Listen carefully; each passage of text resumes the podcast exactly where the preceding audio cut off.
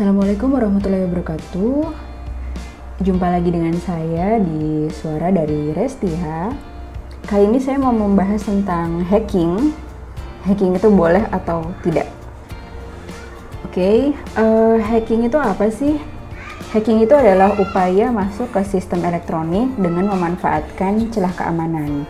Dan tujuan pada umumnya adalah merusak atau show off. Ketika show off itu dia membawa campaign tertentu, baik itu isu negara maupun isu agama. Latar belakang saya bikin podcast ini adalah ada berita tentang sekelompok peretas Malaysia yaitu Dragon Force Malaysia meretas 5.000 CCTV Israel termasuk rumah dan gedung pemerintah dan mereka Dragon Force Malaysia itu uh, menampakkan foto dari CCTV yang diretas kemudian diunggah ke akun Facebook Dragon Force Malaysia itu.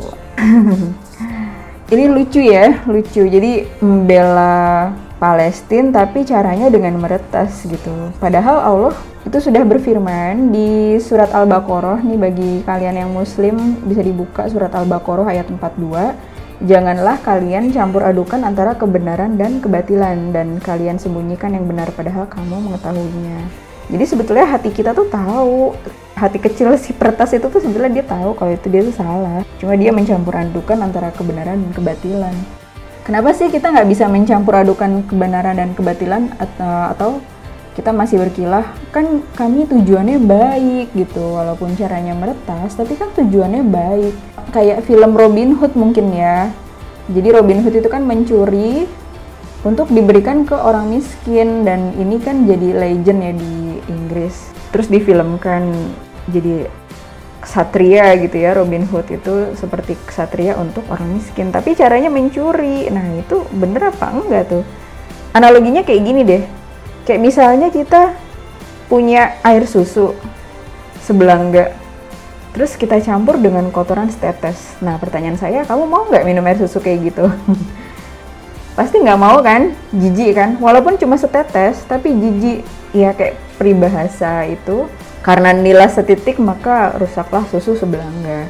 Jadi seperti itu ketika kebenaran yang banyak itu dengan niat yang tulus itu bercampur dengan cara yang salah itu nggak akan pernah jadi bener. Contoh lainnya untuk hacking ya, web defacement gitu. Web defacement itu apa sih? Web defacement itu hacking pada website dengan mengganti tampilan website. Jadi tampilan websitenya misalnya seperti itu diganti dengan tampilan yang ada muka anonimus, terus disertai lagu, disertai dengan kata-kata yang kasar, bahkan kadang-kadang protes gitu ya in real life-nya tuh kayak gini loh kalau web defacement itu. Misalnya ya, isu KPK. Kita protes KPK.